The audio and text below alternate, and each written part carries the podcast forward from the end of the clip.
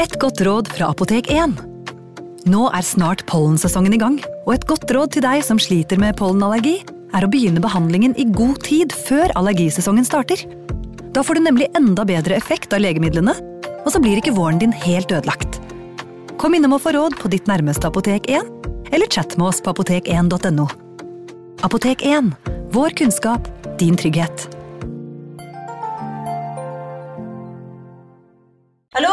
Jeg kommer fra Oslo politikammer. Ine Jansen er purk. Er du purk? The motherfucking bitch. Alt jeg vil, er å finne ut hva som skjedde med mannen min. Jon Carew. Er jeg sikta for noe? Iben Akeli. Det er du. Ole So, Lars Berrum og Big Daddy Karsten. Hvem sin side er du på, egentlig? Anette Hoff, Tone Danielsen, Kommer du fra Afrika? Jørnis Josef, Nesten kløfta. Trond Espen Seim, Det er synd å si det, men det var feil mann som døde. Purk. Premiere tirsdag på TV2 Play. Ungsamtalen fra DNB er økonomisk veiledning tilpasset deg som er ung. Bokk en ungsamtale på dnb.no. slash ung. Det er kjempebra hvis du skal inn på boligmarkedet, hvis det er drømmen din, liksom. Det er det du skulle sagt. Og så kunne du ropt litt mer, da, sånn som jeg gjorde. Bam! Advarsel. Denne podkasten inneholder skildringer av ekte drap og kriminalsaker som kan være støtende for enkelte. Det advares også mot sterke inntrykk i deler av episoden. Vi i True Crime-podden elsker mysterier, og det viser det seg at dere også gjør. I forrige episode fortalte jeg om de to nederlandske venninnene Chris og Lisanne som forsvant på fottur i fjellene i Panama. Hva som skjedde med dem, vet ingen. Det har vært veldig spennende å høre deres teorier om hva jentene ble utsatt for, og jeg håper denne episoden også får dere til å tenke hva skjedde egentlig? I denne episoden skal vi lenger tilbake i tid, faktisk helt tilbake til 40-tallet. Historien og drapet er mystisk, nesten litt skummelt. Kanskje deler av den kunne ha passet i Skrekkpodden, men siden det hele startet med et grufullt likfunn, synes jeg heller vi tar opp saken her. Gjør dere klare for mystisk skrift på veggen, et ukjent offer, spionteorier og okkulte menneskeofringer. Så ta på dere detektivhattene, for her er historien om Bella i almetreet. Velkommen til True Crime Podden.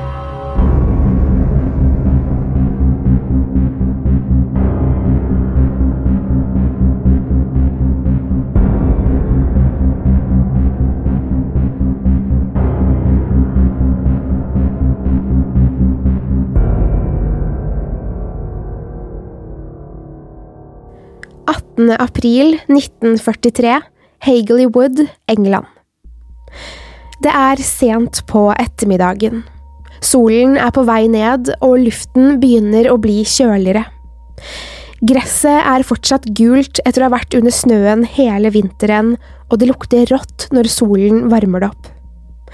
De fire kameratene Robert, Thomas, Bob og Fred har lekt ute i flere timer. De har tatt seg inn på et område de vet de ikke får være. Hagley Woods, som eies av en eldre lord som ikke liker at folk er på tomten hans. Lorden hadde satt opp skilter med No Trespassing, som betyr at det ikke er lov til å gå over tomten hans. Likevel gjorde guttene det. Skogen og den store engen hadde høye trær guttene elsket å klatre i. De hadde vært her flere ganger og aldri blitt oppdaget. Guttene løper over engen, mot et stort almetre som ser ut som det kan være flere hundre år gammelt. Greinene er lave og stammen så tykk at de bare måtte prøve å klatre der. De kommer seg usett til den store almen, og Bob bestemmer seg for at han vil være først. Han klatrer entusiastisk opp i treet. Én grein, to greiner, så tre og fire. Han er kanskje halvannen meter opp i treet da han oppdager at stammen er hul. Han bøyer seg frem for å se ned i stammen, og skimter noe der nede. Wow! utbryter han. Et dødt dyr! Bob synes dette er veldig spennende og strekker seg ned etter det som ligger i bunnen. Han er for langt oppe og ber de andre guttene rekke han en pinne. Bob roter med pinnen mot det døde dyret og får tak i noe. Han løfter det opp og slenger det mot de andre guttene mens han ler. De andre guttene ler ikke. Foran dem, på bakken, ligger en hodeskalle, sterkt forråtnet, med rester av hud og et øre fortsatt hengende fast. De skriker før de husker på at de må være stille. De har jo ikke lov til å være her. Det ser ut som et menneske, sier Fred, og de andre er enige. Hodeskallen stirrer mot dem. Tennene er fortsatt der, og det ser ut som noe hår fortsatt sitter igjen på toppen av issen. Guttene blir redde, for nå er det nesten mørkt ute, og de har funnet et lik. De vet ikke hva de skal ta seg til, skal de si fra til noen voksne? Guttene diskuterer seg imellom hva de skal gjøre. De synes de burde si ifra, men hvis de gjør det, får foreldrene deres vite at de har vært i Hageley Woods, som egentlig er forbudt. Derfor inngår de en pakt. En pakt om å aldri snakke om hodeskallen igjen. De lover hverandre dyrt og hellig før de plasserer hodeskallen tilbake i treet igjen. Stille og tankefulle lister de seg over engen på vei hjem for å spise middag. Ingen av dem sier noe på veien.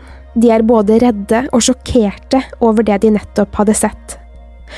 Før de går fra hverandre, lover de igjen at de aldri skal si noe.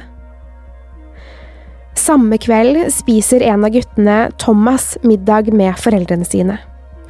Moren hans legger merke til at gutten hennes er så stille, og han rører nesten ikke maten sin. Er du syk, Thomas? spør hun sønnen. Han trekker på skuldrene og sier at han bare ikke er sulten.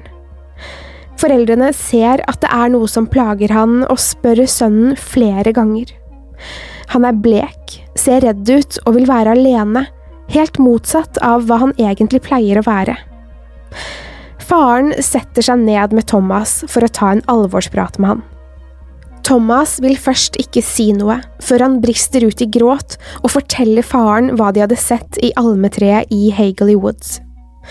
Faren ringer politiet med en gang, og to politimenn sendes ut til engen med almetreet. Det er mørkt, og det regner tett når de kommer frem. På grunn av verdenskrigen finnes det ikke mange politimenn til rådighet på dette tidspunktet, og siden det er såpass mørkt og dårlig vær, venter de til neste dag med å hente ut hodeskallen. Tidlig neste morgen skinner solen, og politimennene reiser tilbake til almetreet. De fire guttene er med dem og viser hvilket tre de fant skallen i. En av politimennene klatrer opp i treet og kikker ned i den hule stammen og ser hodeskallen guttene fortalte om. Det er noe mer der også. Han ser flere bein stikke frem, og noe som kan ligne på klær. Etter å ha prøvd å få ut skjelettet, bestemmer politiet at de må skjære ned treet for å få hentet det ut. Det går ikke å få det ut ellers. Det viser seg at det ligger et lik inni trestammen, sterkt forråtnet, men med både tenner og klær noenlunde intakte. Området sperres av, og liket fraktes til obduksjon. Professor James Webster skal obdusere liket. Han noterer seg at det mangler høyre hånd, og ber politimennene reise tilbake for å se etter den. I mellomtiden fjerner Webster forsiktig klærne. Et sennepsgult skjørt, et underskjørt i rosa silke, en mørkeblå stripet cardigan og et lyseblått belte og blå sko. Han finner også en billig giftering på venstre hånd. Det er noe uvanlig med klærne. Alle merkelappene er klippet bort, så det er umulig å vite hvilken butikk de er kjøpt i. Mens obduksjonen pågår, kommer politimennene tilbake med likets høyre hånd, som de fant ca. ti meter fra almetreet, og et ID-kort. De tror med en gang at de har identifisert liket. Det er en kvinne som er funnet død. En kvinne som var mellom 35 og 40 år da hun døde. Hun var lav, ca. 152 cm, og hadde brunt hår. Kvinnen hadde muligens født et barn, og hun hadde dårlige tenner. Det manglet en tann i underkjeven hennes, som så ut til å være trukket eller operert ut ca. et år før kvinnen døde. Hun hadde også et tøystykke i munnen, men politiet var usikre på om det hadde falt ned på hodeskallen, eller om det hadde vært der da kvinnen døde. Gifteringen som ble funnet på fingeren hennes, hadde vært brukt i ca. fire år før hun døde. Ellers var det ingen flere ledetråder om kvinnen. Bortsett fra én ting, da. ID-kortet som ble funnet ved liket. Kortet tilhørte en kvinne som bodde et par timer unna Hageley Woods, og da politiet skulle til å kontakte slektningene hennes for å fortelle dem at kvinnen var funnet død, viste det seg at kvinnen slettest ikke var savnet. Hun var i live og i beste velgående.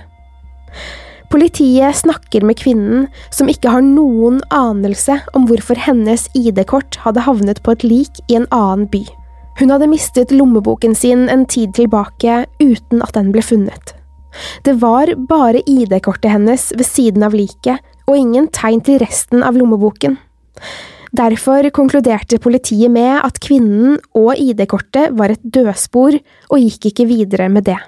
Nå hadde altså politiet en død kvinne uten identitet. Det fantes ingen savnede i området som passet beskrivelsen, og merkelappene på klærne var klippet bort, så det gikk heller ikke an å identifisere hvor klærne hennes kom fra. En teori var at kvinnen kunne ha hatt dårlig råd grunnet tilstanden tennene hennes var i, og kanskje pleide å kjøpe klær brukt. Ofte kunne bruktbutikker fjerne merkelapper da det var vanlig å skrive navnet sitt i klærne, så forrige eier ikke skulle ha navnet sitt der. Kvinnen ble funnet i almetreet under andre verdenskrig, og området var hardt rammet da mange av byens gutter og menn var sendt i krigen. Folk hadde lite penger, og det var heller ikke like vanlig å gi bort klær til bruktbutikker, siden de fleste ikke hadde nok penger til mat engang. Derfor var bruktbutikkteorien utelukket. Avisene derimot hoppet på ledetråden om de fjernede merkelappene. Kunne kvinnen være en spion? En spion som brukte falsk identitet og ikke ville at noen skulle finne ut hvor hun var fra? Mange trodde det. Politiet mistet troen på at kvinnen var fra Hagley Woods eller områdene rundt.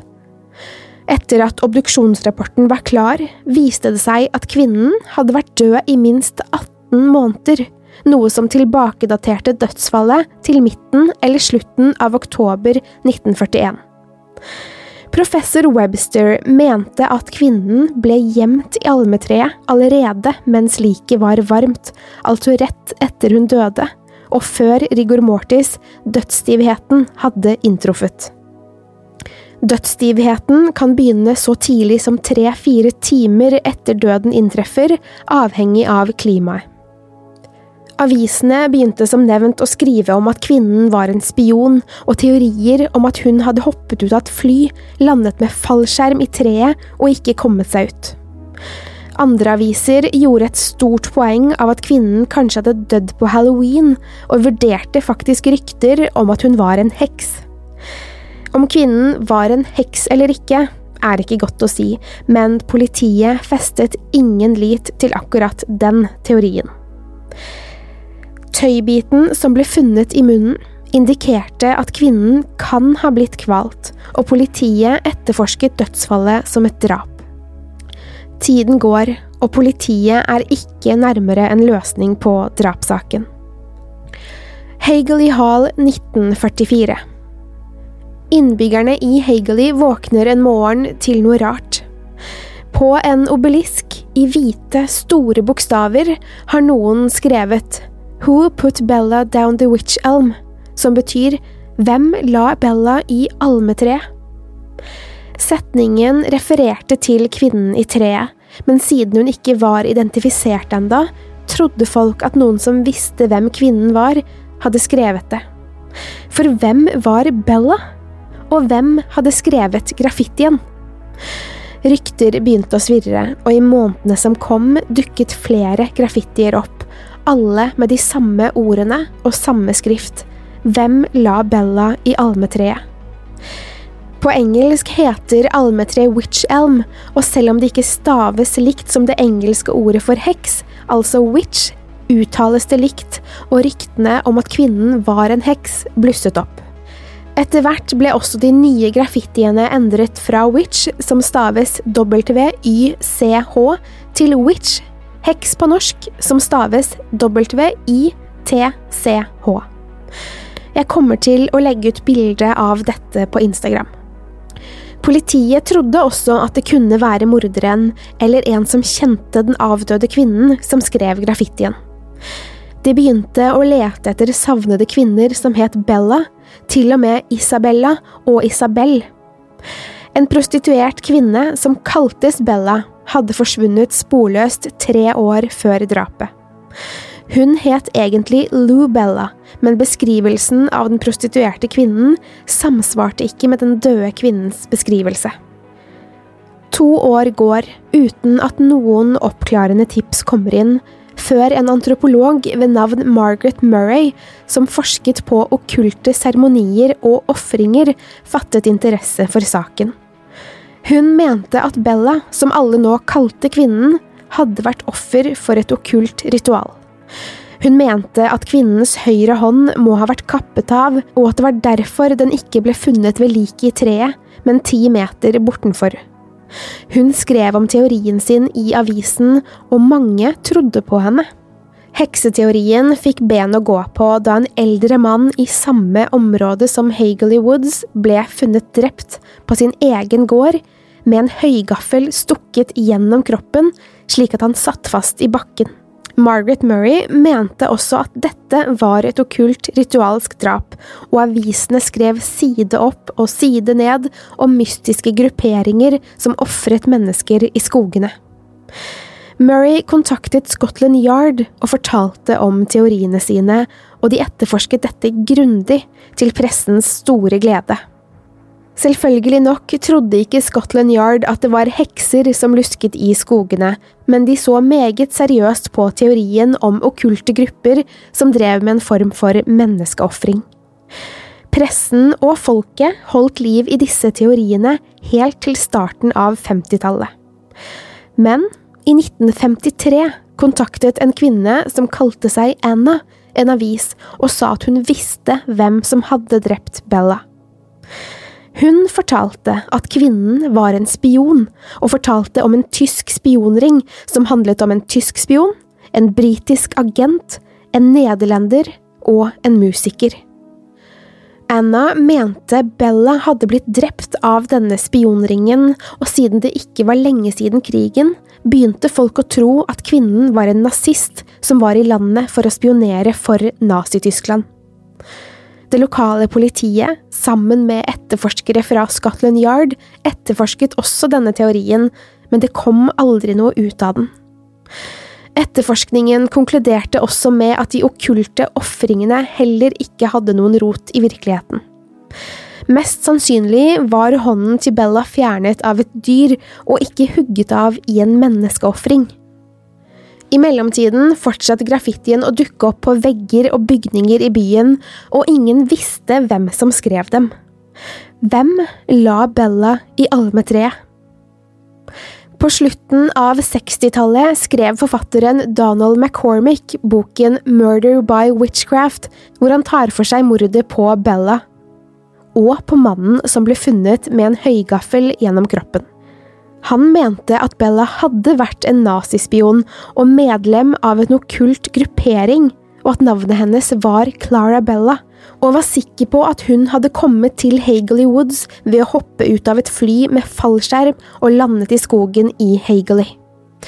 Han mente hun hadde fått feil på utstyret sitt og enten dødd under landing, eller ha gått seg bort, søkt ly i treet og sultet i hjel. I 1999 blusset historien opp igjen, selv om avisene hadde sluttet å skrive om saken grunnet at etterforskningen sto i stampe. Graffitien hadde sluttet å dukke opp etter 70-tallet, men plutselig begynte flere medier å skrive om Bella i almetreet atter en gang. Flere journalister, sammen med politietterforskere, dannet en gruppe som skulle gjøre et nytt forsøk på å prøve å finne ut hvem Bella var, og hvem som drepte henne. Det ble besluttet at graven hennes skulle åpnes, og de skulle ta prøver av skjelettet for å kanskje finne identiteten hennes. Selv om DNA-testing så smått hadde startet på 80-tallet, var det å opprette en DNA-profil på slutten av 90-tallet ikke slik den er i dag. Men det skulle gjøres et forsøk, og gruppen håpet på å finne benmarg i levningene av Bella. Problemet var at de ikke visste helt sikkert hvor Bella var gravlagt. Det fantes en grav som gruppen hele tiden hadde trodd var Bellas, men ved nærmere ettersyn i saksdokumentene viste det seg at Bella aldri ble begravet likevel. Etter obduksjonen ble levningene hennes gitt videre til flere professorer, slik at de kunne forske videre på hva som hadde skjedd med kvinnen.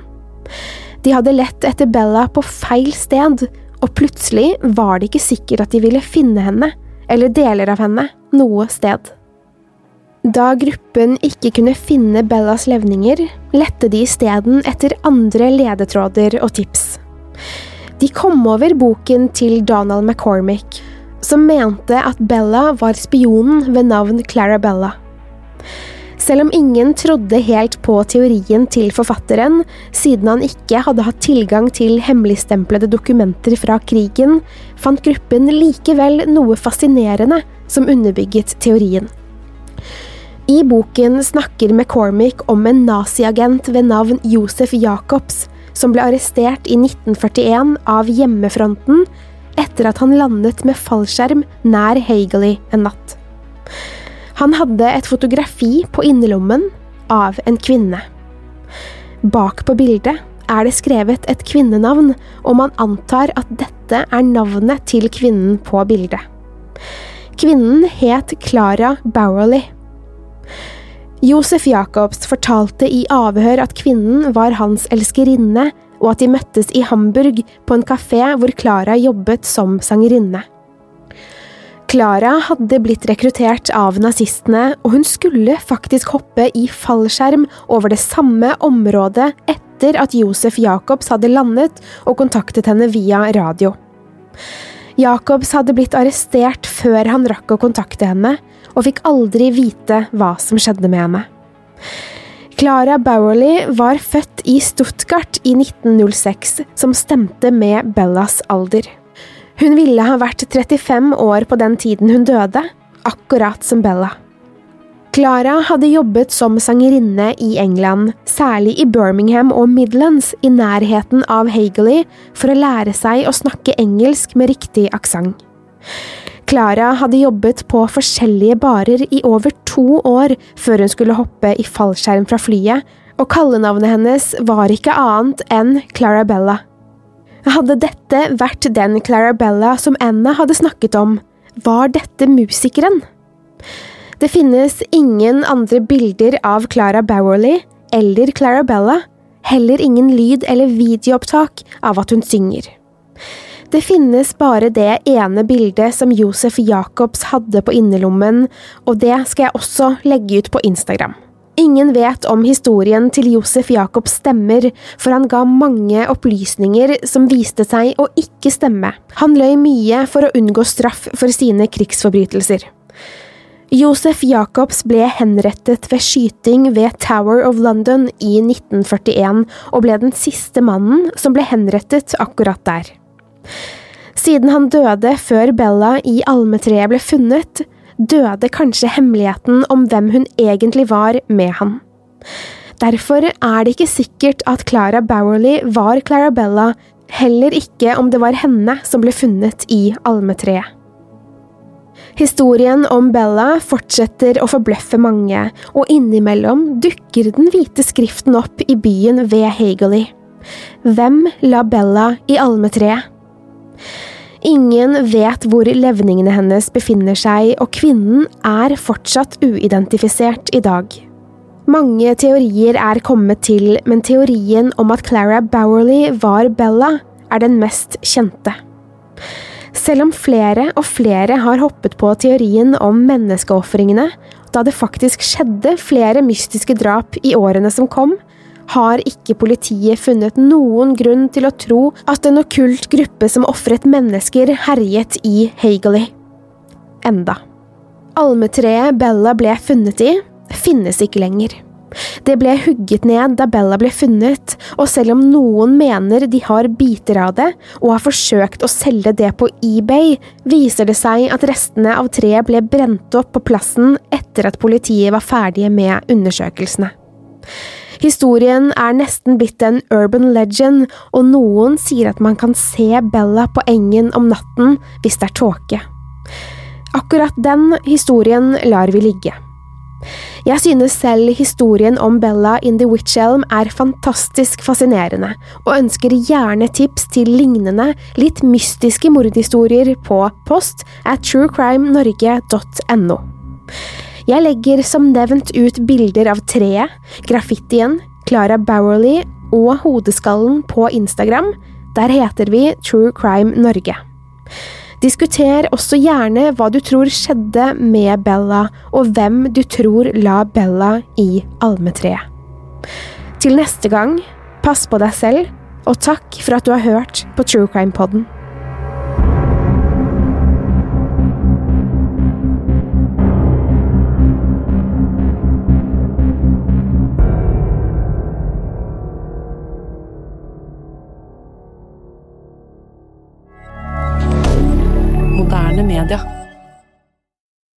Har du et enkeltpersonforetak eller en liten bedrift? Da er du sikkert lei av å høre meg snakke om hvor enkelt det er med kvitteringer og bilag i fiken, så vi eh, gir oss her, vi. Fordi vi liker enkelt. Fiken superenkelt regnskap. Hei! Takk for at du lytter til True Crime Podden. Skulle du ønske at du kunne høre en ny episode av denne podkasten hver eneste uke? Vel, da er det bare å laste ned podkastappen Untold med en gang. I tillegg til ukentlige episoder av podkaster som Skrekkpodden, Synderne og Henrettelsespodden, får du masse annet reklamefritt og eksklusivt innhold. Last ned Untold i AppStore eller Google Play, og start din 30 dagers prøveperiode i dag.